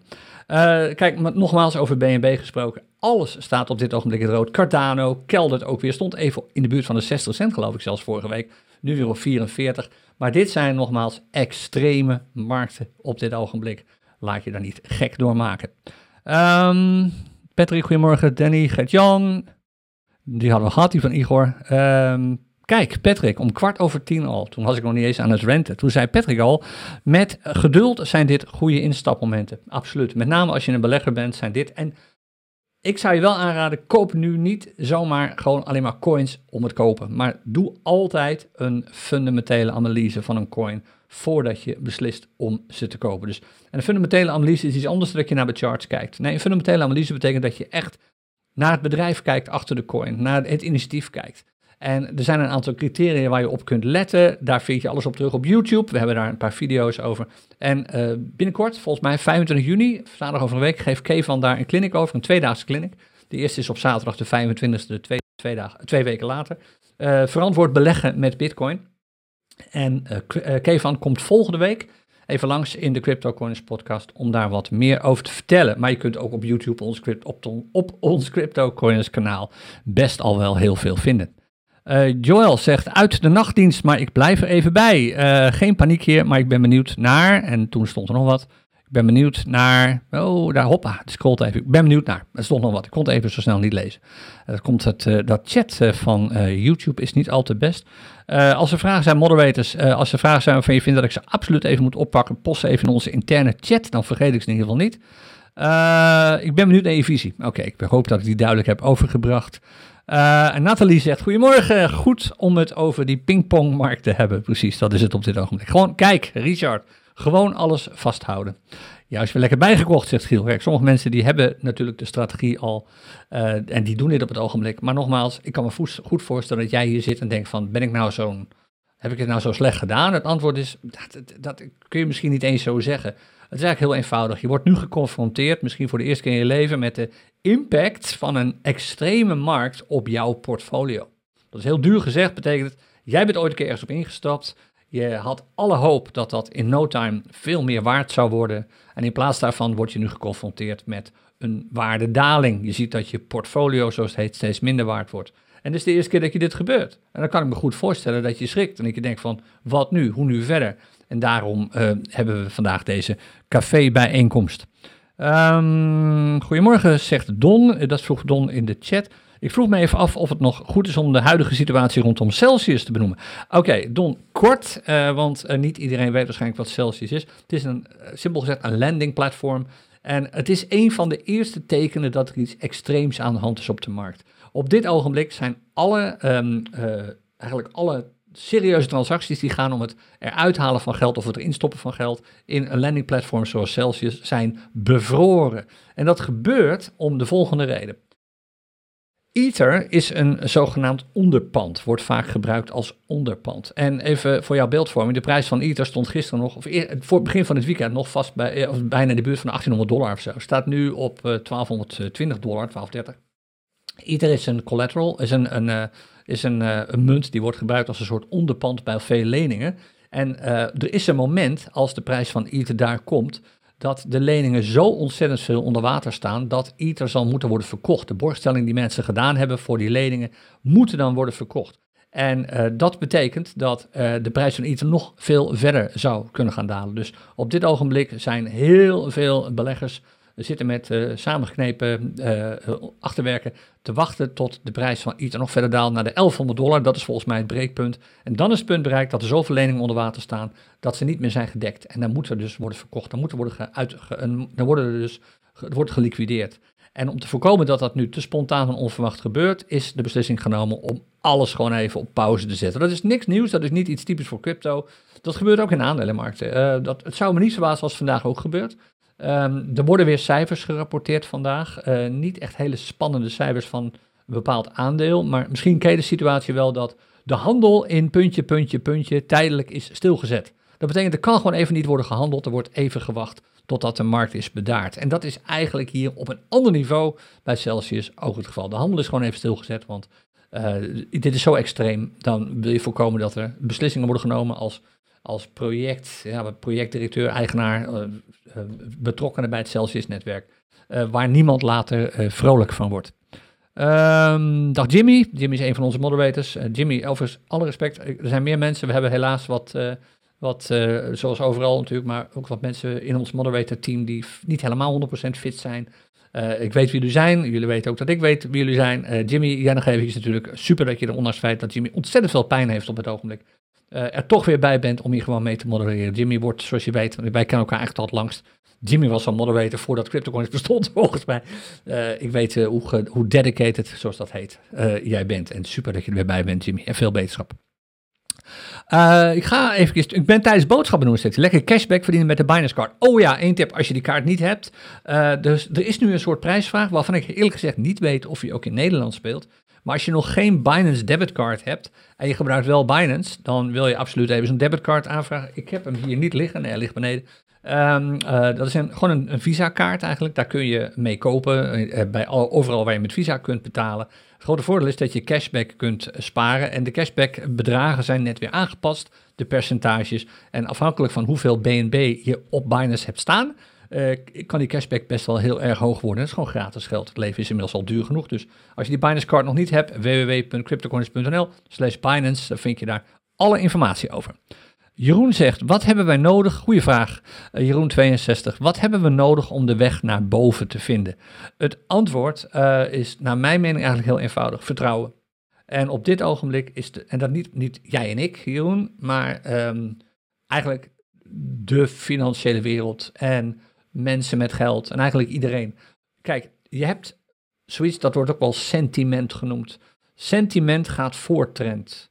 En trend gaat voor prijs. Sentiment is niet iets dat je. Ja, je kunt het meten. Bijvoorbeeld als je kijkt naar um, de Fear and Greed Index, die we er wel eens bij die we er eigenlijk altijd bij pakken als we de podcast doen. Hij staat nu geloof ik weer op 26 of zo, niet hoog, van 1 tot 100.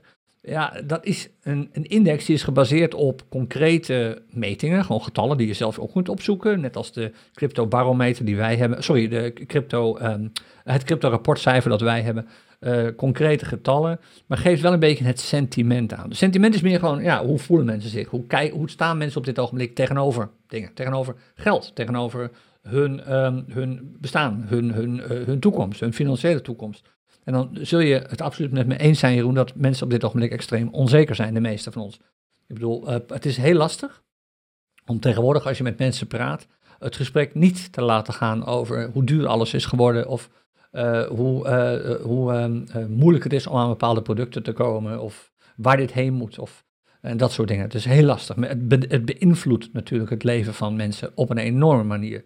Zolang dat zo is, en dat duurt dan wel even, blijft dus de kans op extremen die je nu ziet plaatsvinden gewoon groot, heel groot.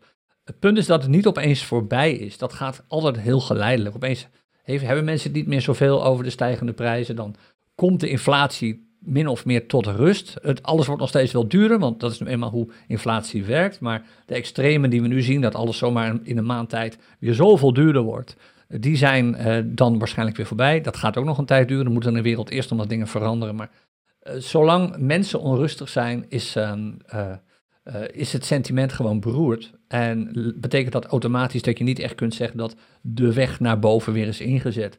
Dit kan nog een behoorlijke tijd gaan duren. Dit is er wel eentje van de lange adem. En ook al hebben wij hem voorspeld, waar ik best helemaal eigenlijk niet trots op ben, maar ik, vind wel, ik zou het wel fijn vinden als ik zou weten dat veel mensen met die voorspelling wat hebben kunnen doen in vorig jaar oktober, november. Het is gewoon wel heftig om natuurlijk te zien wat er nu gebeurt. De, de, impact die dit op heel veel mensen heeft, is gewoon groot. En dat betekent dat zolang dat zo is en mensen veel impact ervaren, mensen zich zorgen zullen blijven maken en het sentiment gewoon beroerd blijft, en dan is er geen kans op weg naar boven. Maar op een gegeven moment zullen we zien dat de zaak toch weer omkeert. Er komt weer geld. Kijk, vergeet niet, je zou denken dat iedereen op dit ogenblik geld aan het verliezen is. Maar dat is natuurlijk niet zo. Er zijn nog steeds mensen die veel geld verdienen op dit ogenblik. Bijvoorbeeld mensen die handig gebruik maken van dergelijke dips. En gewoon weten dat hun portfolio, als hij nog verder daalt, er genoeg vermogen is om nog meer bij te kopen. Om maar wat te noemen. En die heel goed onderzoeken naar het onderzoek doen naar het verschil tussen prijs en waarde van dingen. Kijk, de prijs van een bitcoin heeft niets te maken met de waarde van een bitcoin. Net als de prijs van een aandeel niets te maken heeft met de waarde van een aandeel. Ik las een mooi artikel ergens van een week over American Express. Die hebben een, uh, ja, 30 keer gefuseerd en toen weer stukken afgeblazen, afgestoot. En het is nu een soort uh, samenwerking. American Express Business Travel heb ik het over. Samenwerking Expedia zit daarin en American Express zelf zit er geloof ik in voor een derde. De brand is American Express, dus American Express Business Travel. Dat aandeel, dat is net gelanceerd, eh, volgens mij voor 10 dollar of zo. Staat nu voor 7 dollar, 7,50 dollar of zo genoteerd. Maar is een buitenkansje, want je weet gewoon, business travel, zakenreizigers, die zijn er. Die hebben geld, die zijn bereid om te betalen voor dingen. Dat zijn de mensen die je altijd op, op uh, vliegvelden, in tijden dat je nog gewoon op een vliegveld kunt lopen, uh, de me het meeste geld uitgeven in tax-free shops. Uh, die gewoon anderhalf keer zoveel betalen voor een shirt, omdat ze toch niks te doen hebben op dat ogenblik.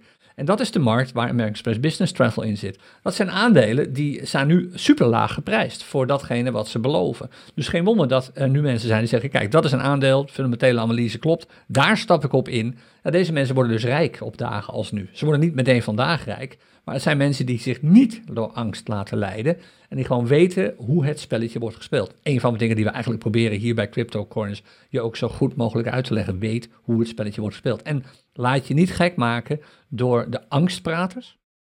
Voor de helderheid, dit is niet leuk wat er nu gebeurt. De markten zijn extreem en iedereen merkt dat. Maar je hebt heel veel angstpraters nu die uh, niks anders willen, wat ik aan het begin van deze sessie al zei, dan uh, kliks hebben en zo. En straks zul je zien, en niemand weet wanneer straks is, maar straks zul je zien dat prijzen weer beginnen te stijgen. De euforie keert weer terug. De FOMO keert weer terug. En dan krijg je weer de Bitcoin gaat naar de maanpraters. En dan krijg je weer het verhaal van. Als je dan een keer een bericht post dat uh, je verwacht dat de prijs nog een keer daalt, dan krijg je de trollen die zeggen van nee, nee, nee, nee, dat is allemaal onzin, veel te pessimistisch. Het feit is dat het niks met optimisme en pessimisme te maken heeft als je dit spelletje speelt. Je kijkt gewoon naar trends. Je kijkt naar het sentiment. Je weet dat de trend volgt op het sentiment. Je weet dat de prijs meegaat met de trend. Als je dat in de gaten houdt en als je nooit investeert, nooit, never, nooit, ook al word je nog zo gepusht met geld dat je eigenlijk niet kunt missen, kan er eigenlijk niks fout gaan. Je kunt hooguit een tijd lang onder water staan. Dat is het enige, maar je zit wel in de race. Dus niemand weet wanneer het gebeurt, Jeroen. En wat we nodig hebben is optimisme. En dat duurt nog eventjes. Um, is dit live, zegt Alex. Alex, ja, dit is live. Je stelde de vraag om half elf. Het is nu vijf over elf. Maar ik kan beloven, Alex, als je er nog bij bent, 100% live, ja. Um, ja, dat had ik al gezien, mijn beeld in schokjes. Sorry daarvoor. Uh, ben ik in shock? Nee hoor. Uh, nog een vraag, zegt Daddy Shark. Als oplossing zei je onlangs weg met de dollar en weg met de euro. Hoe gaat het in zijn werk? Oké, niemand kan in de toekomst kijken, Daddy Shark. Uh, ook ik natuurlijk niet. Naar mijn verwachting is de enige optie op dit al. Kijk, als je kijkt naar de historie van munten op zich, hè, zo lang bestaan ze allemaal niet. Kijk, we hadden ooit in Europa bijvoorbeeld de lieren. Misschien herinner je dat nog als je wat ouder bent. Weg. We hadden ooit in Europa de Duitse mark. Weg. We hadden de gulden. Weg. En dan weet ik wel, ja, de euro enzovoort enzovoort. Maar feit is dat geen munt het langer volhoudt dan hooguit een paar eeuwen. Nou, dat betekent dus dat de dollar en de euro het ook niet langer volhouden dan hooguit een paar eeuwen.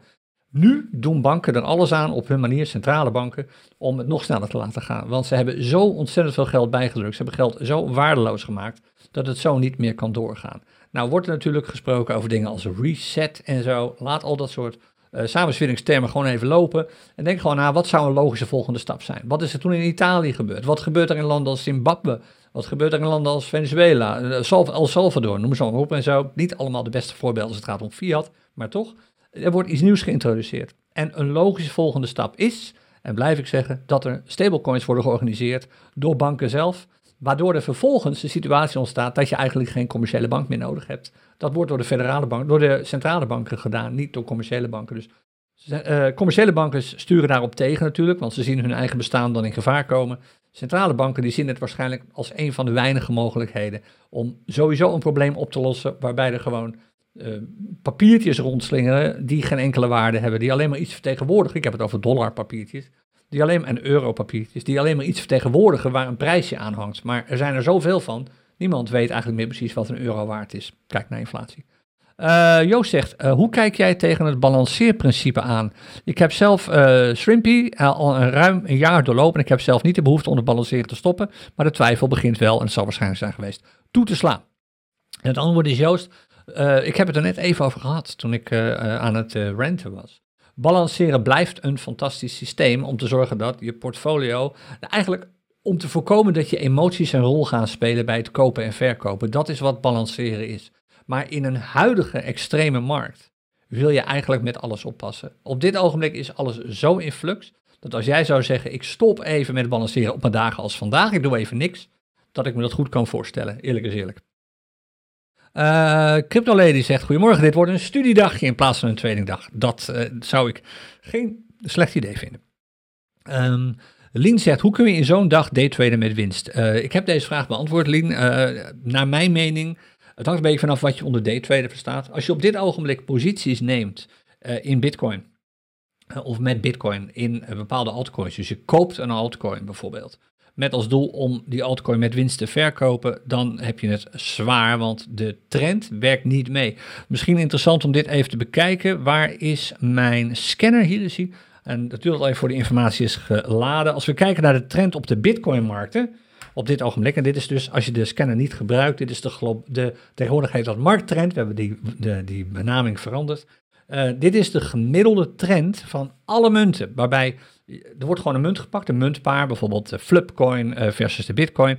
En dan wordt vervolgens naar alle charts van dat marktpaar gekeken, waarbij de charts met een langere interval zwaarder tellen.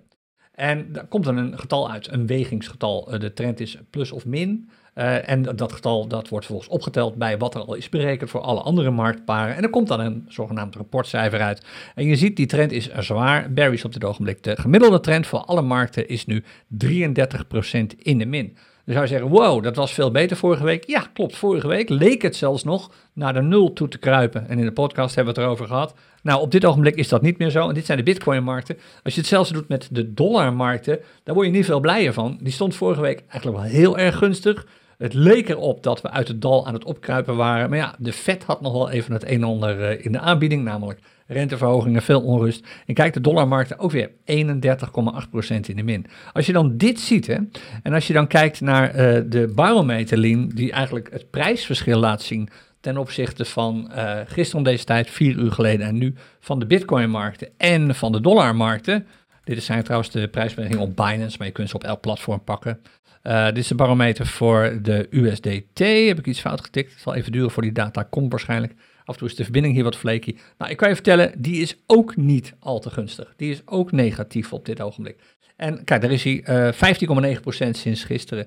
En dit is niet alleen op Binance, dit is ook op FTX bijvoorbeeld. Als je op FTX handelt, zie je exact hetzelfde. Dat zou je zo moeten kunnen zien. Barometer op FTX is ook een van de platformen die door de scanner wordt ondersteund. Is ook negatief. Dit zijn spot trades op uh, FTX, ook in de min. Dat geldt ook voor andere coins waar je mee kunt handelen. Ja, op dit ogenblik kun je dus eigenlijk, het is irrealistisch op dit ogenblik. En ik ben bereid om elke discussie aan te gaan met iedereen hierover. Het is irrealistisch, naar mijn mening, en onverantwoord om op een dag als vandaag te gaan daytraden.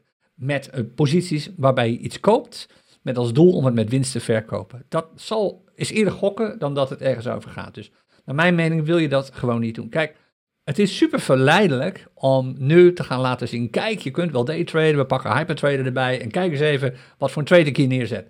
Maar dat is niet iets wat je als beginnend trader of mensen die dit niet voor hun vak doen, wil gaan doen. Dus waarom zou ik het dan nu gaan laten zien? Dat slaat echt nergens op. Dus laat ik dat gewoon niet zien. Dan kunnen we beter praten over wat er op dit ogenblik in de markt speelt. Dus ik zou gewoon niet gaan traden vandaag, Lien. Ik zou gewoon echt uh, gewoon, uh, wat leren. Als je toch bezig bent met crypto, zijn dit de dagen om te leren. Om hierbij te zijn, misschien hopelijk leer je hier wat van. Er zijn heel veel video's op YouTube, niet alleen van mij, maar van nog veel meer mensen die video's maken over crypto en over geld.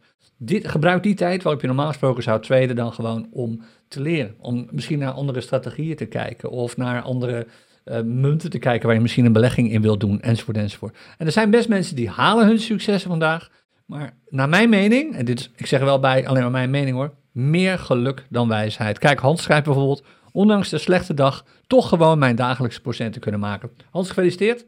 Uh, oprecht, top dat je dat is gelukt. Uh, ik hoop dat je ook begrijpt dat ik dat op, dit ogenblik niet kan aanraden, omdat gewoon de markten te extreem zijn op dit ogenblik. Uh, Jeroen zegt, ik ben wel van plan om bij te kopen, maar ik kijk het deze week nog even aan. En ook Richard zegt, ik heb ook gekocht. En Mickey Boy, ik heb ook gekocht. Mickey Boy Mansion, kijk, vanuit zijn mansion. Uh, Heidi zegt, ik heb nog een paar ladderorders naar beneden staan, toppie. Uh, Roeland zei, wie zei het ook weer? Alles verkopen wat je niet meer nodig hebt op Marktplaats. Wat?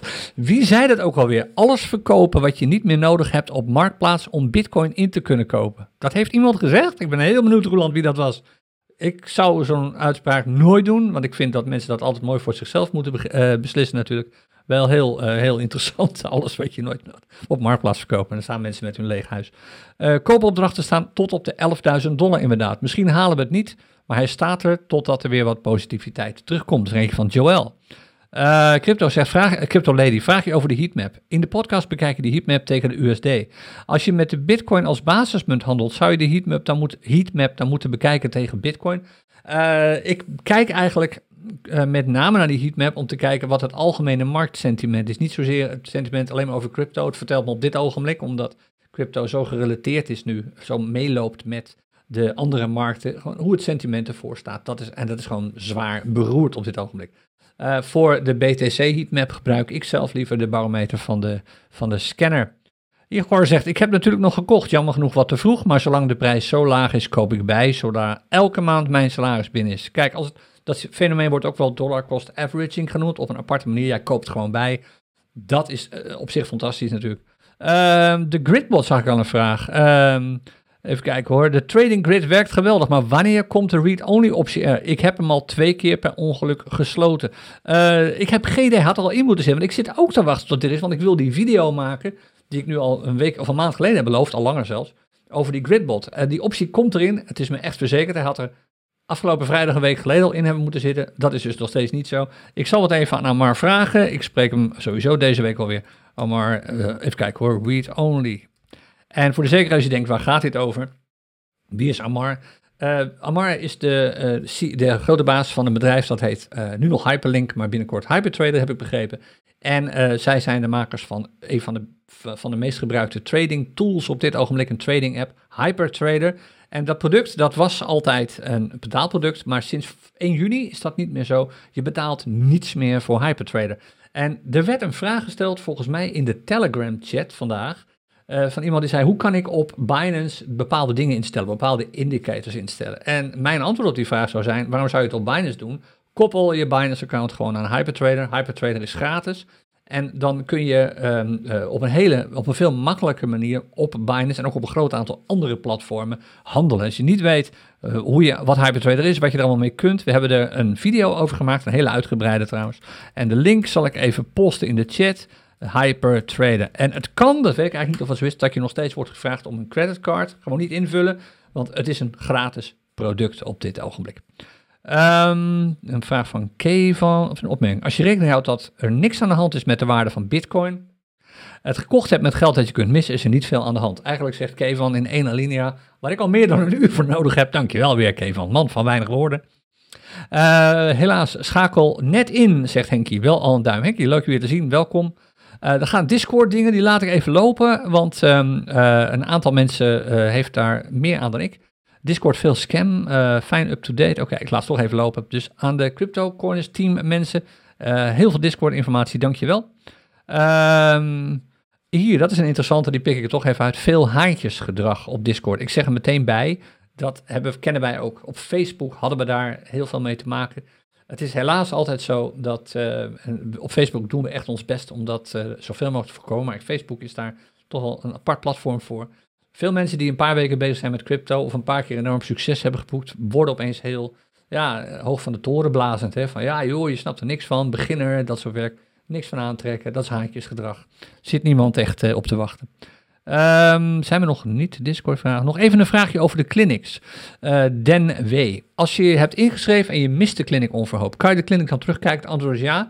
De videoopnames van clinics komen altijd beschikbaar. Er zit meestal zitten daar twee werkdagen tussen. Dus als jij op zaterdag een clinic volgt, dat staat uiterlijk de woensdag daarna staat de videoopname van de clinic online. En ook de presentatie kun je alsnog uh, bekijken, ja. Um, kan ik me nu, zegt Bas, nog steeds inschrijven voor de clinics, daar ik afgelopen vrijdag geen tijd had? Ja, antwoord is ja, Bas, dat kan. Niet meer voor als je een priority pass had, de combi-pakketten, die zijn weg. Maar je kunt je nog steeds inschrijven voor de clinics, mits er nog plaats is. Maar dat geldt volgens mij nog voor de meeste clinics. Um, dat heb ik gedaan. Uh, even kijken hoor, dat ging iets te snel. Moment hoor. We doen er nog uh, een stuk of tien of zo. Die heb ik gedaan, die heb ik gedaan, die heb ik gedaan. In de chat nog wat? Nee, niet in onze moderator chat. Die heb ik ook gedaan. Die heb ik ook gedaan. Goedemorgen allemaal. Ik heb ik ook al gedaan. Dat was die van Don de Lange. Uh, gaat ook over Discord. Uh, ik denk dat er Chris Voorman of Forma Denk Voorman. Geen idee. Chris, bekende naam. Ik denk dat, er dat veel mensen die tijdens corona zijn ingestapt omdat het booming was, nu toch wel met veer uitstappen. Ik ben bang van ook. En dat is een van de belangrijkste redenen dat we hier zijn vandaag in het café. Dat ik dacht van, uh, misschien terecht, misschien onterecht kan ik niet beoordelen. Maar ik had zoiets van, ik ben waarschijnlijk niet slecht. ik, mijn vermoeden is niet slecht. Als ik denk dat veel mensen zich nu zware zorgen maken als je dan wakker wordt. En ziet dat alles zo ontzettend is gedaald. Ik dacht, wat moet ik nou? Sta ik hier nou helemaal alleen voor? Ik wil je gewoon duidelijk laten zien met het CryptoCoins Café. Hoe spontaan ook georganiseerd. Dat je er niet alleen voor staat. Um, ik snap wat je probleem is. Ik snap dat je misschien een probleem hebt. En ik probeer met dergelijke sessies, en dat geldt ook voor de moderators en alle andere mensen in de community, je te helpen om hier gewoon uh, ongeschonden uit te komen. En nog een paar tips daarover. Uh, er is een pagina www.cryptocorners.nl slash start. Als je hier voor de allereerste keer bent, maar je bent gewoon behoorlijk um, geschrokken van wat er nu op de markten gebeurt. Daar vind je alles over hoe wij bij CryptoCoins omgaan met crypto, de CryptoCoins trading strategie, uh, informatie over van alles wat met crypto te maken heeft. En eigenlijk is bijna alles gratis. We hebben, uh, we hebben zes clinics die we nu net hebben aangekondigd. Daar uh, kun je je voor inschrijven, maar is absoluut niet nodig als je dat niet wilt. We krijgen wel altijd hele leuke feedback, hele positieve feedback van mensen die meedoen aan zo'n clinic. Uh, maar dat is niet nodig. We hebben de CryptoCoin scanner, die heb je niet nodig om te traden. Het maakt het heel makkelijk om te traden. Je bespaart er veel tijd mee. En eerdaags nog veel meer, want er zit al een klein beetje, als je de scanner gebruikt, heb je het misschien al gezien. En zo niet, dan zie je dat eerdaags wel, als we het gaan aankondigen, want er komt nog wat bij, nog veel meer informatie die het super makkelijk maakt om te herkennen welke trades een lager risico hebben. Dat is de enige scanner die dat heeft, daar zijn we super trots op. Het staat al aan, maar in beta nog. En we hopen het later deze week te kunnen vrijgeven. Nee, niet later deze week. De moderators gaan er eerst mee aan de slag. En volgens mij volgende week of de week daarna, dan zit het ook voor iedereen erin. En ik zeg nu al, die optie is voor alle niveaus. Brons, zilver en goud, omdat naar onze mening het belangrijk is je de zo waardevolle informatie te geven als het gaat om het risico van een trade. Een trade is altijd een risico. Maar alles wat wij eraan kunnen doen om dat risico zo laag mogelijk te maken, is meegenomen. En dat doen we dus ook. Dat komt allemaal in de scanner inderdaad. Maar nogmaals, je hebt hem eigenlijk niet nodig. Die scanner is geen magisch ding of zo dat signalen produceert die door een team van experts worden samengesteld. Dat is allemaal onzin als je daar ooit voor wordt benaderd. Kijk uit met dat soort signaalgroepen. Niet doen. De, scanner kijkt alleen maar naar charts op de manier waarop jij dat ook zou doen. En gebruikt daar een aantal strategieën voor, waaronder de cryptocurrency strategie. Maar er zijn nog veel meer strategieën. Maar je kunt het ook zonder. Dat wou ik even meegeven. Um, Bedankt, zegt Don. Veel fut weer, precies. Is dat geen marktmanipulatie? Uh, we gaan de boel even stilleggen tot alles wat bedaard is. Uh, zo zou je het kunnen zien, maar daar is het niet voor bedoeld. Maar natuurlijk is het manipulatie van de markt, want je, doet, je laat de markt niet gewoon zijn eigen ding doen. Maar weet je, het is een beetje hetzelfde als, uh, als, uh, als een traditionele markt waar je tomaten kunt kopen en al dat soort dingen. Als daar opeens iets gebeurt wat, um, uh, wat heel ongewoon is en wat het bestaan van misschien wel klanten of van verkopers in gevaar brengt, dan doen verkopers ook hun tenten dicht. Ja, die manipuleren dan ook de markt. Ja, dat zou kunnen. In feite is het dat. De vraag alleen is of het manipulatie is die specifiek bedoeld is om er één persoon beter van te laten worden of niet. Waarschijnlijk niet. Uh, overigens nog één ding, dat scrollen we net voorbij op uh, de heatmap. Um, ik zal trouwens de heatmap even uitzetten, want daar word je ook niet echt vrolijk van. Pakken de urenchart er even bij van Bitcoin versus de dollar. Uh, we lijken naar een groene candle toe te gaan. We lijken, hè, want nogmaals, de candle moet nog 40 minuten rijpen, 38 minuten. je ziet dat steeds meer bedrijven investeren in crypto. Het is echt niet zo dat, en dat is wat ik wil aangeven. Het is super verleidelijk om nu mee te gaan met, de, met, de, met het sentiment en met de, de sensatieverhalen van heel veel uh, influencers en bloggers en, en zelfs tijdschriften en kranten. Die zeggen, oh, helemaal niks meer, drama, drama, drama, paniek, paniek, stap eruit, stap eruit, stap eruit. Maar kijk wat de grote jongens doen. Kijk wat American Express doet. Ik heb het nu even niet over American Express Business Travel. Uh, uh, disclaimer, ik heb zelf geen aandelen ingenomen. Um, maar kijk naar uh, initiatieven zoals uh, Express die gezegd, we nemen crypto nu heel serieus. PayPal, die het nu mogelijk maakt om, uh, niet in Europa nog, om crypto naar je eigen wallets te sturen. de andere bedrijven die zeggen, van, wij moeten nu crypto gaan accepteren als, als betaalmiddel. Dat zouden ze echt niet doen, na, na heel veel onderzoek. En dergelijke bedrijven laten zich niet afleiden door extreme marktsituaties, want die gaan altijd weer een keer over. Dus je wilt nu blijven innoveren, je blijf, wil blijven doorgaan bedoel, als cryptocoiners zou het ook heel makkelijk zijn te zeggen, nou weet je wat, er is nu zoveel extreems aan de hand op de markt, we stoppen gewoon. Waarom zouden we? Dit is gewoon een extreme marktsituatie. Maar met de waarde van bitcoin en crypto en het onderliggende verhaal is gewoon helemaal niks aan de hand. Alles staat nu zwaar onder druk. Um, even kijken hoor. Het alternatief wel is dat, dat gaat over Celsius. Um, mijn buy the dip geld, zegt Supermachinist74, mijn buy the dip geld wat ik met de afgelopen run verdiend heb is op, maar ik ga nu weer eigen geld gebruiken. Ik zie deze tijd als een kans om weer op te laden voor de volgende bull run. Dat is een bull run, als je afvraagt wat is dat, dat is een, een situatie waarin de bulls in control zijn, zoals het heet. Oftewel de optimisme, mensen die uh, positief zijn over iets, gaan kopen. Dat is eigenlijk wat een bull run is. En het omgekeerde is een bear, een beer. Uh, klopt het bericht van American Express dat ze rewards gaan, ah, dat ze rewards gaan geven in cryptocoins? Uh, ja, er wordt nu gesproken, maar ik weet niet of dat voor Europa ook geldt. In Amerika schijnt het nu zo te zijn dat er een kaart gaat komen. Hij is in wel aangekondigd, een American Express kaart. Uh, waarbij je je rewards die je krijgt als je een American Express kaart gebruikt om te kopen, in crypto krijgt uitbetaald. Ja, ze gaan nu datgene doen wat je met de Binance debitcard al lang kunt. Namelijk beloond worden in crypto voor de uitgaven die je doet. Klopt. En ook met de crypto.com kaart trouwens. Uh, zegt, veel traders die ik ken zijn ontmoedigd door de recente liquidatie. Is dit herkenbaar? Ben je ooit zelf geliquideerd? Oh, wat een goede vraag. Toxiboxy, ik weet niet hoe je heet. Ik hoop niet dat je echt Toxiboxy heet. Zo ja, dan wordt het toch tijd om eens met je ouders te gaan praten. Maar um, ik ken zelf best wel veel traders die zijn geliquideerd, absoluut. En dit, het antwoord is nee, ik heb zelf ik ben nooit geliquideerd, omdat ik nooit, maar ook echt nooit margin trading doe. Leverage trading, ik doe er niet aan. En dat is een van de dingen die ik altijd met klem afraad in de cryptomarkten. Je wil niet weten hoeveel flaming ik daar al over heb gehad. Mensen ah, crypto is risicoloos, je kunt stop-limit orders doen. Geloof me, er zijn situaties waarin je er helemaal niets aan hebt. Er is een fenomeen waar je nooit crypto mensen over hoort praten, of crypto traders die aan leverage trading doen, dat is slippage. En slippage betekent dat een stop-limit order niet werkt, omdat de prijs zo snel daalt dat er gewoon niet genoeg volume was op dat ogenblik om te verkopen. En dat gebeurt met name met de coins met een wat lager volume.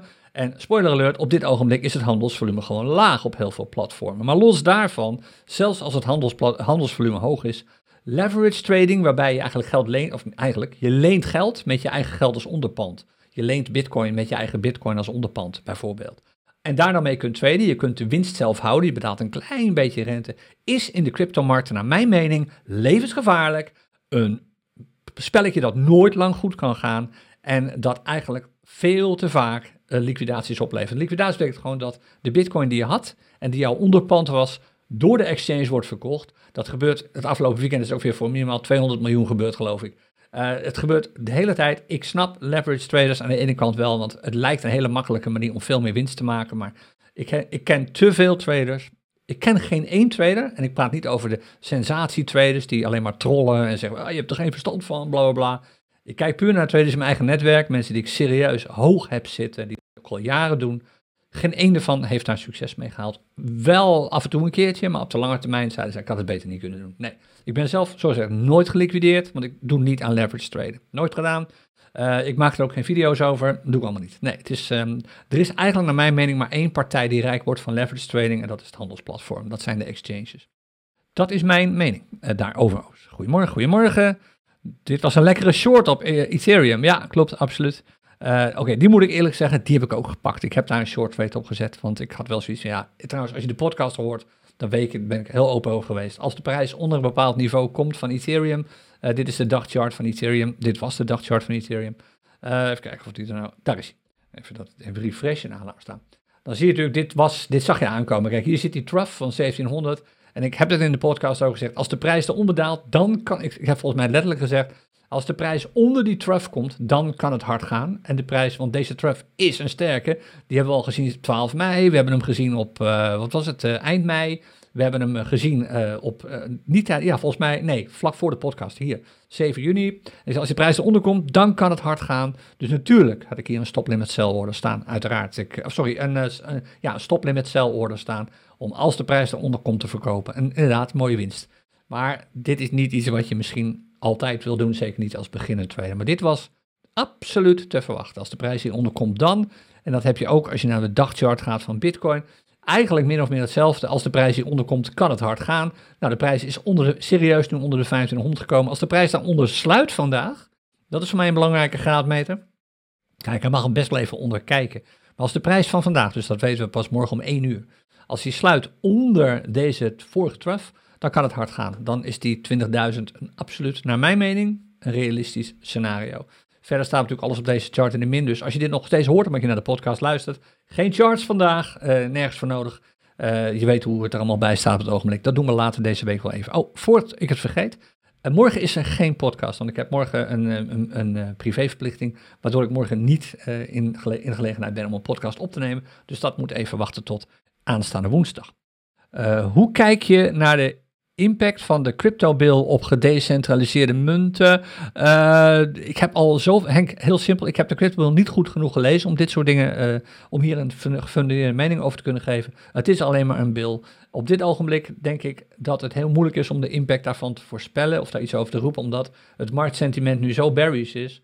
Dat het, het heeft geen impact meer. Er is nu zo een angst, die overheerst nu op hele andere punten. Ehm Oh, jij was dat, zegt, uh, zegt Kevin. Ik zou alles verkopen, zelfs mijn sokken verkopen op Marktplaats. Ah, dat waren jouw sokken. Uh, als de koers zou zakken om bitcoin te kopen. Oké. Wanneer komt read-only? Die heb ik al beantwoord. Uh, ik heb ook ladderorders openstaan, zegt Niels. Tussen de 20k en de 19k. 20.000 en 19.000. Oftewel, Niels zegt, als je hier voor de eerste keer bent, welkom trouwens als je hier voor de eerste keer bent. Um, een ladderorder betekent eigenlijk dat je een systeem gebruikt waarbij je al koopopdrachten klaarzet. Limit orders zijn het eigenlijk. Uh, waarbij als de prijs tot een bepaald niveau komt, je dan instapt. Um, overigens, als je hier voor de eerste keer bent vandaag, hè, tik dan eens even in de chat. Let op, begin je antwoord met nieuw in hoofdletters. En dan gewoon achter ik of zo. Of nieuw ik. Als je voor de eerste keer vandaag in, uh, in het CryptoCoins Café bent. Altijd leuk om dat soort dingen te lezen. Uh, als je Amar ook toch spreekt, zou je willen informeren of er iets als een refund komt voor mensen die vlak voor de gratis worden een jaarabonnement hebben afgesloten. Volgens mij heeft Amar daar al antwoord op gegeven. Je kunt hem trouwens het beste voor dat soort dingen zelf benaderen. Uh, dit is natuurlijk altijd zo, je koopt iets en dan wordt het opeens een stuk goedkoper of het wordt gratis. Ik weet wel dat er een, uh, een, een, regeling komt, of al is zelfs voor mensen die nog geld open hebben staan voor een, crypt, voor een cryptocoins, voor een hypertrader lidmaatschap dat dat wordt verrekend met een aantal features in Pro. En ik kan je één ding vertellen, voor, ik kan er niet al te uitgebreid op ingaan, maar wij zijn nauw betrokken bij één van die Pro-features en dat wordt echt leuk. Dus misschien wil je dat gewoon laten staan en denken, oh, dan kom ik op een heel, heel mooi moment, kom ik uh, straks in aanraking met zo'n Pro-feature. Meer kan ik nog niet over zeggen, maar het wordt wel heel erg leuk. Dennis zegt, uh, oh, die ging te snel. Even kijken hoor, waar waren Sorry Dennis, je vloog even weg. Um, daar was je. 11 uur 16. Um, ik volg jullie al een tijdje en ik vind het mooi hoe objectief jullie naar de markt kijken. Dankjewel, Dennis. Wel heb ik nog een vraag. Ik hoor jullie eigenlijk nooit over de halvering van Bitcoin en de Bitcoin-cycles. Dat komt omdat er op dit ogenblik nog geen halving zit aan te komen. Die hebben we twee jaar geleden gehad. Toen hebben we het er wel over gehad natuurlijk. En eh, daar komen we absoluut weer op terug als de Bitcoin, uh, als er weer een halving aankomt. Dan is dit absoluut een issue, want de halving is een toekomstige schaarste. Dat is eigenlijk wat het is. En je weet het, als een product schaars wordt en de vraag gelijk blijft of stijgt, zal de, vraag ook, zal de prijs ook stijgen. In het verleden blijkt dat ook steeds te zijn gebeurd. Alleen het is niet precies voorspelbaar wanneer dat gebeurt. Komen we wel op dat moment even op terug. Wat wij proberen, Dennis, en je, je volgende vraag is dat eigenlijk, daar is het eigenlijk het antwoord op, is er een reden voor dat we het er nooit over hebben. Wat wij proberen te doen bij CryptoCoins is, hoewel we het af en toe wel noemen, is uh, niet uh, mee te doen uh, aan die enorme lijst van influencers, tijdschriften, websites, kranten en zo, die dingen gaan voorspellen. De verwachting is dat. Natuurlijk roep ik wel dingen als ah, ik kijk naar mijn charts en mijn charts zeggen mij dat de kans op een daling groter is dan op de kans van een stijging. Uh, maar om te gaan zeggen, nou ja, er komt een halving aan, dus dan kun je dan en dan erop rekenen, dat, dat en dat. Ik denk dat mensen die beslissing zelf zouden moeten nemen, dat ze hun mening daar zelf over moeten vormen. Dus het enige wat ik waarschijnlijk dan zou doen, is zeggen, kijk, in het verleden zijn er een aantal halvings geweest. Uh, dat betekent dat worden minder bitcoins. Een miner krijgt nog maar twee keer zo weinig bitcoin. Uh, twee, krijgt nog maar twee, de helft van de hoeveelheid bitcoin als hij een blok raadt dan nu. En in het verleden heeft dat als volgt uitgepakt, dat je daar eigenlijk meer aan hebt als belegger. Maar speculatieve berichten, daar zijn we niet zo van uh, hier bij CryptoCoins, zoals je zelf al aangeeft ook. Waarom duurt het 30 tot 9 dagen dat Binance met Hypertrader te gebruiken is? Siegfried, dat is niet alleen voor Hypertrader zo, dat geldt voor, ook voor Alt-trading en andere trading tools. Bij Binance moet je een sleutel aanvragen, dat gaat heel makkelijk. En die sleutel moet je dan even aan Hypertrader of een Alt-trading geven. En die sleutel heeft een levensduur van, vroeger was dat niet zo, maar van een aantal dagen. Dat is gedaan om misbruik te voorkomen. In het verleden bleek dat uh, mensen vergeten waren dat ze zo'n sleutel in een tool hadden zitten. En dat was niet een trading tool, maar dat kon bijvoorbeeld een bot zijn geweest of zo. En vervolgens, die bot die werd uh, overgenomen, er werden vervelende dingen mee gedaan, fouten gemaakt, whatever. Het is, naar mijn mening is het een goede beslissing om die sleutels niet levenslang te maken. Want het is niet zo slecht dat je bij de les blijft en gewoon even elke, zet gewoon een, herinnering uh, dat je na elke 80 dagen of zo even een nieuwe sleutel maakt. Klaar, je bent weer even bij de les. Waarom niet? Ik zou, dat, ik zou daar niet mee zitten. Um, dan gaat er iemand over de halvingen. Ja, precies. Uh, precies, zoals Carl zegt. Carl is een van onze moddies, een van onze moderators. Je moet na 90 dagen even je API aanpassen. Dat is alles. Uh, Marije, dankjewel voor het compliment. Graag gedaan. Leuk om uh, te zien dat je hier blij mee was. Um, inderdaad, goed dat je dit doet, zegt Niels. Dit soort initiatieven helpt om de rust te bewaren en het hoofd koel te houden. Vooral voor mensen die niet heel lang geleden in crypto zijn gestapt. Leuk om dit te lezen. Oh, en toen scrolden we opeens hard naar beneden. Uh, daar waren we, zijn bijna klaar.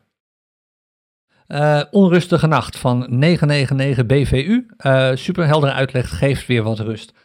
Fijn, want dat is de enige reden dat we dit doen. Uh, in plaats van de podcast van vandaag dacht ik, weet je wat, we knallen gewoon het café even open om juist even vragen te beantwoorden die mensen ongetwijfeld hebben na zo'n extreme uh, situatie of in zo'n extreme situatie.